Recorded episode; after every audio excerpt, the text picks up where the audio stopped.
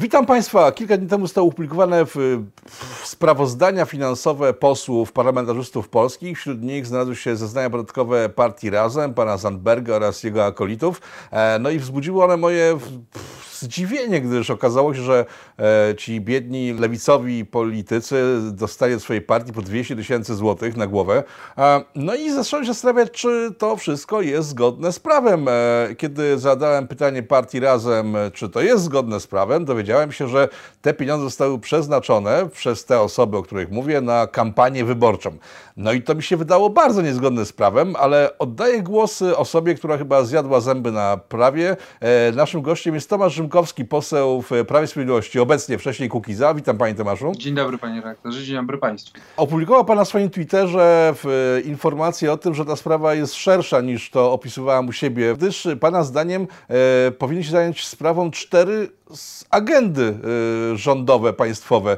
Jakie to agendy i dlaczego aż tak grubo Pana zdaniem trzeba potraktować ten temat? No, zaciekawił mnie Pana tweet, ale również e, komentarze czy też głosy chyba też działaczy mm, partii Razem, czy osób, które sympatyzują, e, oburzone. I rzeczywiście tak sięgając do pierwszego z brzegu e, oświadczenia majątkowego, poprzedzając to e, oświadczeniem na początek kadencji, tu warto pewną taką dygresję, aby naszym widzom wytłumaczyć. Otóż w ubiegłym roku, w październiku, odbyły się wybory parlamentarne. Po rozstrzygnięciu wyborów każda osoba, która zdecydowała się przyjąć mandat poselski, musiała przed rozpoczęciem tej kadencji złożyć oświadczenie majątkowe o stanie majątkowym w chwili objęcia mandatu poselskiego. Tak też uczynili wszyscy posłowie, w tym posłowie partii Razem. I w tych oświadczeniach można przeczytać, no, pierwszy z brzegu posłanki mojej krajanki, pani poseł Matysiak, bohaterki jednego z nagrań reportaży pana redaktora, w której czytamy, że zarobiła 16 tysięcy złotych, tak około, no tutaj szczegółów już nie pamiętam, w Urzędzie Miasta Kutno, 20 tysięcy w ramach partii e, Razem i wszystko ok. E, czym, Przez cały rok, a czy do, do października? Momentu, w... Do momentu rozpoczęcia mandatu posła. Tak mniemam, aczkolwiek e, no, to jest jeden z ważniejszych problemów państwa polskiego, że te oświadczenia majątkowe w mojej ocenie, o czym interpelowałem, po między innymi e, pana redaktora e, materiale, e, gdzie jeden z posłów w koalicji obywatelskiej wpisał, że generalnie no, nic nie ma, nie ma czym chleba posmarować, ba, no nie ma za co chleba nawet kupić, nic nie zarobił i potem nagle sobie przypomniał, że jednak tam jakieś zlecenia były, jakiś stosunek pracy był, coś tam było. No, generalnie... Nagle blisko 100 tysięcy pojawiło się w jego no, portfelu. No, generalnie jest tym problem, tak w największym skrócie. Jeśli zakładamy, że to oświadczenie jest na chwilę rozpoczęcia sprawowania mandatu, czyli to, co przez 10 miesięcy tego roku pani poseł zarobiła, ja nie wnikam, bo to nie jest kwestia mojej oceny, czy to dużo, czy mało, nie, nieistotne jest to dla mnie. Natomiast y, to, co pan redaktor przywołał, czyli już oświadczenie na dzień 31 grudnia, czyli powiedzmy dwa miesiące e, później, no i tam jest kilka anomalii. To znaczy, no pierwsza anomalia to jest taka, że przypomnę, 20 tysięcy pani poseł zarobiła e, pracując dla partii razem i okej, okay, ale w grudniu już zarobiła 200 tysięcy, czyli po dwóch miesiącach o 180 tysięcy więcej, czyli średnio miesięcznie 90 tysięcy. No ciekawe, ale to nie jest jedyna, jedyna wątpliwość. Kolejna no, anomalia, taka drobna, pani poseł na koniec roku zarobiła 1600 zł w Urzędzie Miasta Kutna, a w październiku 16. Może zero się omyliło, ale nie wnikam. Będzie pewnie miał okazję, żeby to wyjaśnić. No i kolejna rzecz to jest kwestia przyjmowania uposażenia poselskiego. Tutaj też nie chcę żadnych y, daleko idących zarzutów stawiać, bo to jest też do wyjaśnienia, e, bo nie znamy wszystkich okoliczności, ale przypomnę, że jeśli poseł decyduje się na bycie posłem e, zawodowym, to znaczy pobiera uposażenie poselskie plus dietę. Dietę każdy poseł pobiera, czy jest zawodowy, czy niezawodowy. Niezawodowy poseł to jest taki, który wykonuje e, swoją normalną aktywność zawodową, a pojawia się w Sejmie tylko wtedy, kiedy może e, i dostaje za to dietę. Natomiast poseł zawodowy to jest taki, który no, cały czas pracuje dla obywatela. E, I jak nie mam pani poseł, bo przyjęła 16 tysięcy złotych z tytułu poserzenia poselskiego, tak mi się wydaje, bo tam jest to też enigmatycznie napisane, jakiś przychód, jakiś dochód, bardzo nieczytelne jest to dla mnie. Tym bardziej, że ta rubryka mówi o dochodzie, a nie o przychodzie. Ale no, podała, że po, pobierała uposażenie, więc tu mamy pewien konflikt, ponieważ pojawia się 180 tysięcy złotych tytułem dochodu z partii Razem i 16 tysięcy. To jest mm, no, moim zdaniem w kolizji, ale tutaj pewne szczegóły trzeba wyjaśnić i stąd y, ten pierwszy punkt, o którym pan redaktor wspominał, czyli pytanie do prezydium Sejmu, bo to prezydium Sejmu tego typu sprawy na wniosek Komisji Etyki y, rozpatruje, bo poseł nie może pobierać z dwóch źródeł e, dochodów, to znaczy y, my posłowie, ja nad tym bardzo boleję, bo ja bym na przykład bardzo chciał móc normalnie dorabiać, nie wiem, jakimś zleceniem, jakąś umową o pracę, a jednocześnie pełnić tą zaszczytną służbę non-stop nie mogę, cokolwiek zarobię, to jest to pomniejszenie mojego uposażenia poselskiego.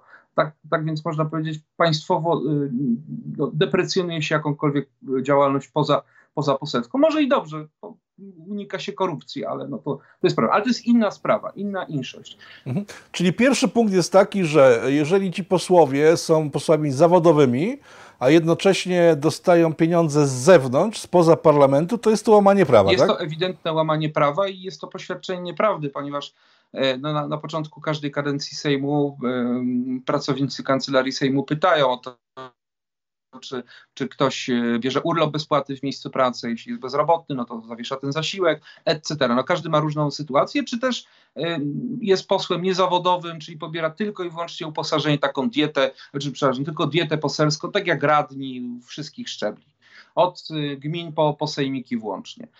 Natomiast te kolejne punkty dotyczą kwestii natury, powiedział, podatkowej. E, no więc właśnie, pytanie jest takie, czy, e, par, czy, czy, te pieniądze to są ogromne sumy, ale to już wiemy od partii Razem, że to nie są wypłaty, bo wtedy trzeba by poruszyć kwestię równości wobec innych członków e, partii Razem, dlaczego akurat te cztery osoby dostały tyle pieniędzy, a nie reszta, ale to jest, to jest poza tematem, można tyle swoim posłom zapłacić, jak się chce, jesteśmy, jesteśmy w wolnym kraju. Ale teraz oni twierdzą, że oni te pieniądze przeznaczyli na kampanię wyborczą. Czy mogli przeznaczyć na kampanię wyborczą e, parlamentarną w 2019 roku, skoro ona skończyła się w październiku 2019 e, roku, a pieniądze zostali w grudniu? Czy jest to możliwe? Nie, nie jest to możliwe. Kodeks wyborczy jednoznacznie mówi, że wszelkie wpłaty od osób fizycznych, obywateli Rzeczpospolitej, ale również od samych kandydatów będących oczywiście obywatelami Rzeczpospolitej, można dokonywać najwcześniej w dniu powstania komitetu wyborczego i najpóźniej w dniu wyborów. A jak mniemam, no jeśli pani poseł Matysiak, znowu się odwołam do tego przykładu, e, wpisała, że 30 października no nie miała tych wpłat, a wybory były jako żywo wcześniej, e, no to nie mogła tych wpłat e, dokonać z tych e, funduszy. Więc jeśli chodzi o wybory parlamentarne, to to odpada. Oczywiście pojawia się. No partia razem, partia razem w komunikacie takim, który gdzieś tam umieściła w, w, na Twitterze, informuje, że w grudniu były te wypłaty, także mamy pewność, y, że chodziło o grudzień, a te pieniądze wcześniej nie leżały na jej koncie, więc y, chodzi o grudzień. Czyli w grudniu nie mogli wziąć pieniędzy na kampanię parlamentarną, w której to kandydując mogliby z dużym, z dużym wysokim, ale jednak limitem te pieniądze wpłacić, ale nie mówimy w takim razie o wyborach parlamentarnych, tylko jeśli już mówimy jakiejkolwiek kampanii, to jest kampania prezydencka, jak można zrozumieć. Tak, albo ewentualnie pokrycie kosztów, ale tutaj nie chcę już dalej nic mówić, bo to byłyby z mojej strony zbyt daleko idące wnioski, czy wręcz zarzuty, a ja jestem prawnikiem i uważam, że mamy domniemanie niewinności, nie jestem lewakiem w przeciwieństwie do państwa i y, nikogo y, zawczasu nie skazuję. Y, od tego są właściwe organy, w tym organy wymiaru sprawiedliwości. Natomiast warto uczynić pewną dygresję, żeby też wyjaśnić naszym widzom, o co chodzi? To są pieniądze, które partia razem otrzymała po no, bezskutecznym ubieganiu się o mandaty poselskie w wyborach parlamentarnych w 2015 roku ale partia razem przekroczyła tą barierę subwencyjną, czyli 3 punktów procentowych. I ta bariera 3% przekroczonych dała partii razem możliwość uzyskania subwencji dla partii politycznych. Ustawa o partiach politycznych w sposób szczegółowy określa, w jaki sposób te pieniądze z subwencji są przekazywane na takie swoiste subkonta, które muszą być na rachunku bankowym partii politycznej. Tam mamy fundusze eksperckie na różnego rodzaju analizy, badania socjologiczne, etc., na projekty ustaw. E, mamy pieniądze przekazane na fundusz płac, na kwestie organizacyjne, no i mamy fundusz wyborczy. Ten fundusz wyborczy służy temu, aby partia, która startuje w wyborach parlamentarnych, w wyborach do Parlamentu Europejskiego, popiera jakiegoś kandydata na prezydenta, mogła te środki finansowe użyć e, dla wsparcia e, funduszy wyborczych, komitetu wyborczego e, partii politycznej. Partia Razem startowała, a w zasadzie partia Razem no nie startowała jako osoba prawna, nie miała nic wspólnego z komitetem wyborczym Sojuszu Lewicy Demokratycznej, który startował pod nazwą Lewica. E, ten komitet y, wyborczy był komitetem wyborczym partii politycznej, Sojuszu Lewicy Demokratycznej, zupełnie innej osoby prawnej, bo partie polityczne w Polsce mają osobowość prawną i nie ma prawnego instrumentu umożliwiającego przekazanie środków finansowych, czy to z funduszu wyborczego danej partii politycznej, a subkoncie e, tej, tej partii politycznej, e, czy też ogólnie z tego rachunku bankowego.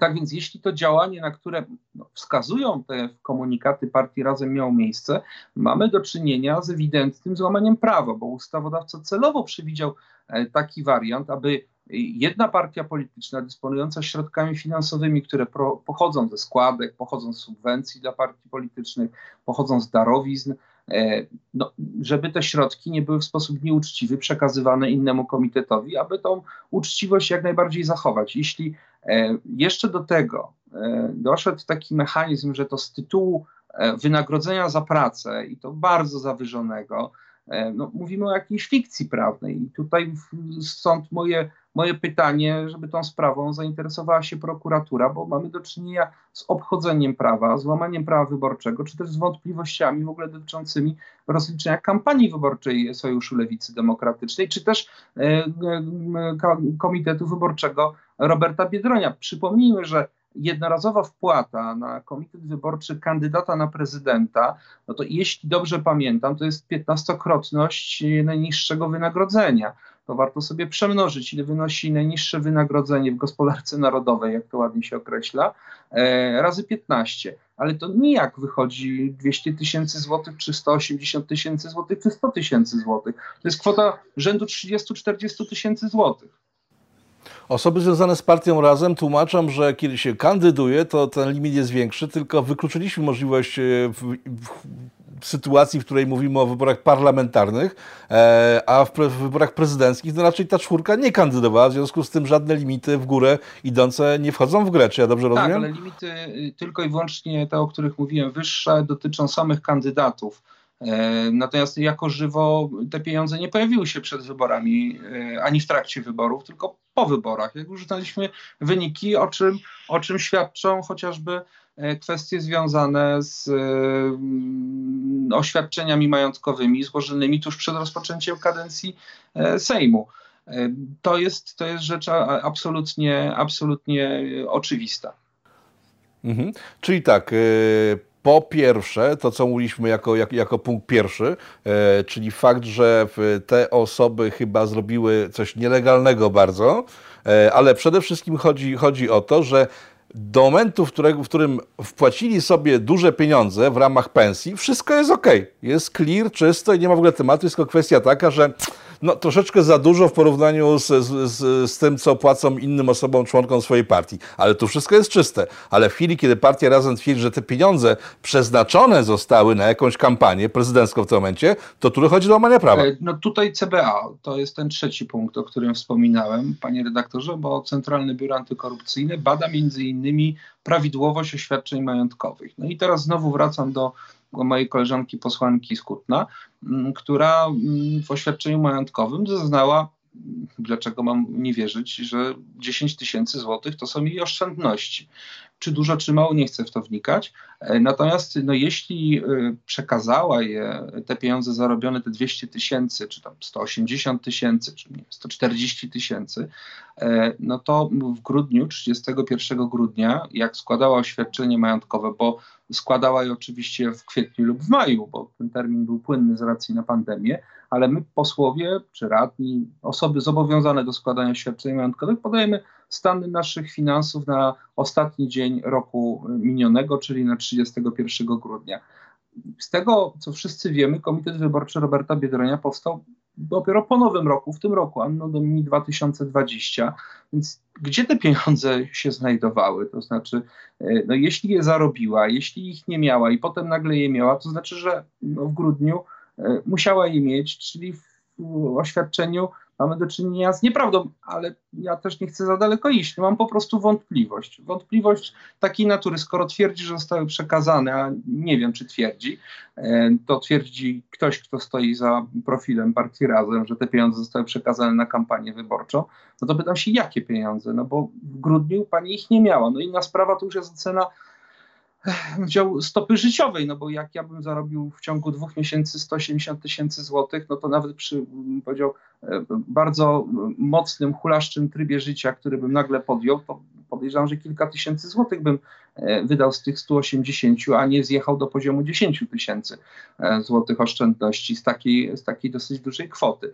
E, Czyli co, wchodzi w grę, wchodzi w grę w oszustwo skar skarbowe, tak? Każde oświadczenie majątkowe jest objęte klauzulą artykułu 233 kodeksu karnego, czyli poświadczenia nieprawdy w dokumencie urzędowym i tutaj pouczenie, które jest na samym szczycie, każdy może je zobaczyć, mówi o tym, żeby osoba, która ją składa, jest zobowiązana do jej złożenia, zachowała maksimum rzetelności i, i starała się jak najwięcej napisać, jeśli nawet nie mieści się to w, w, ramach, w ramach tych rubryk, które są trochę anachroniczne, o czym no, wielokrotnie podejrzewam każdy z nas mógł się przekonać. Natomiast no, tutaj dochodzi do takiej, bym powiedział, diametralnej, no, dziwnej sytuacji. Stąd też moim zdaniem tutaj CBA powinno te oświadczenia majątkowe CBA ma możliwości bez, bym powiedział, bezproblemowe sprawdzenia przepływów na rachunkach bankowych, o ile te pieniądze zostały w ogóle przekazane przez rachunek bankowy. To znaczy, partia razem ma olbrzymie możliwości, żeby tą sprawę wyjaśnić, o ile wszystko jest w porządku.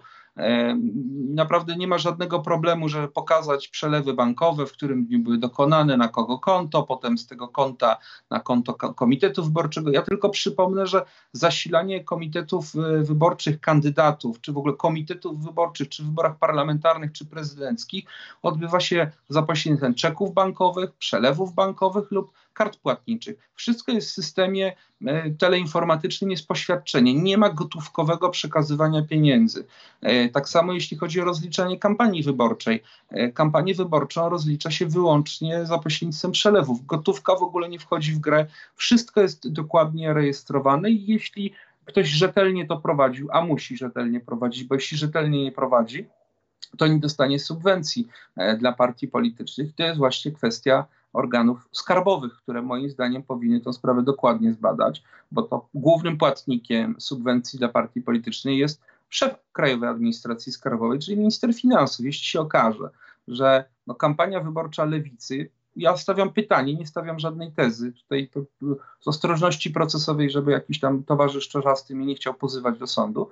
Ja nie twierdzę, że państwo y, dokonali jakiegoś oszustwa czy malwersacji finansowej, ale stawiam pytanie, czy na pewno właśnie ci kandydaci partii Razem y, tą kampanię przeprowadzili y, uczciwie, zgodnie z obowiązującymi przepisami, czy stosowali chwyty takie, które no, ich forowały, bo mieli super ekstra nasze pieniądze podatników, które dostali w 2015 roku e, z tytułu subwencji dla partii politycznej, nie wykorzystali jej zgodnie z przeznaczeniem, wykorzystali je dla pokrycia kosztu swojej kampanii wyborczej.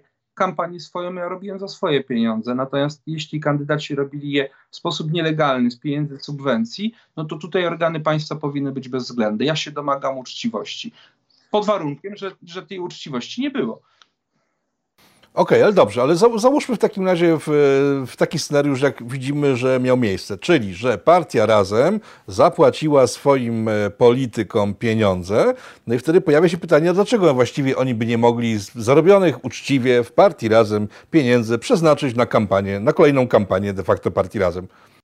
Mm, oczywiście, że mogliby przekazać te pieniądze, tylko problem polega na tym, że jeśli spojrzymy w jedną z pierwszych pozycji, jeśli nie pierwszą pozycję merytoryczną e, oświadczenia majątkowego, no to tam tych oszczędności w zasadzie nie ma. To znaczy są olbrzymie transfery, zwłaszcza jeśli popatrzymy na porównanie z e, początkiem listopada czy końcówką e, października i końcem, i końcem roku, to tam tych oszczędności nie ma. Stąd no, rodzą się pytania, bo gdyby na koncie pani poseł Matysiak znajdowało się 190 tysięcy złotych, była nawet 150 tysięcy złotych, to i dla mnie by było wszystko ok. Natomiast tutaj tych pieniędzy nie ma. Pojawia się dziwny komunikat mówiący o tym, że pieniądze to zostały przekazane. Wiemy, że takie pieniądze tego rzędu nie mogły być przekazane i też ich nie było, no bo pani oświadczyła, że tych pieniędzy nie ma. No to o co chodzi? Bo te sumy są za, za, za, za wysokie po prostu, bo przy limitach, jakie obowiązują tych, tych, tych, tych polityków, nie mogli wpłacić po prostu 200 tysięcy w żaden sposób. 100 tysięcy nie mogli wpłacić. Nie mogli, na, mogli wpłacić góra, góra, góra 6. że nie można było wpłacić, kwota jest około 37-39 tysięcy złotych. Ja tego nie liczyłem. Natomiast problem jest zasadniczy. Pani poseł Matysiak, ja nie wiem jak inni posłowie, bo nie miałem czasu, żeby to przeglądać, e, no, no ma 10 tysięcy złotych oszczędności. To znaczy, że no tych 180 tysięcy, które zarobiła, no ona ich nie miała. No to co mogła wpłacić? Mogła te 10 tysięcy wpłacić, ale gra się rozchodzi o, o tą różnicę między 20 a 200, a do tego brała jeszcze uposażenie poselskie. Kolejne łamanie prawa. E, powiem tak, e, czy ta sprawa zostanie wyjaśniona w jakiś sposób? Czy pan e, podejmuje jakieś działania, żeby to wyjaśnić? Jest pan byłym członkiem komisji Amber Gold, tam było trochę grubiej to może jest za małe, ale czy, czy, można, czy, czy można liczyć, że pan się tym zajmie po prostu, żeby to Panie wyjaśnić? redaktorze, no ja jestem zobowiązany w świetle artykułu 304 kodeksu postępowania karnego, jeśli powezmę wiedzę o podejrzeniu popełnienia przestępstwa, to muszę działać. Proszę mi wybaczyć, ale na to pytanie nie będę odpowiadał, bo wydaje mi się oczywiste. Okej, okay. E, dziękuję zatem bardzo. Myślę, że wyjaśniliśmy najważniejsze kwestie. Cztery punkty programu omówione. E, panie pośle, bardzo dziękuję. Dziękuję, kłaniam się nisko.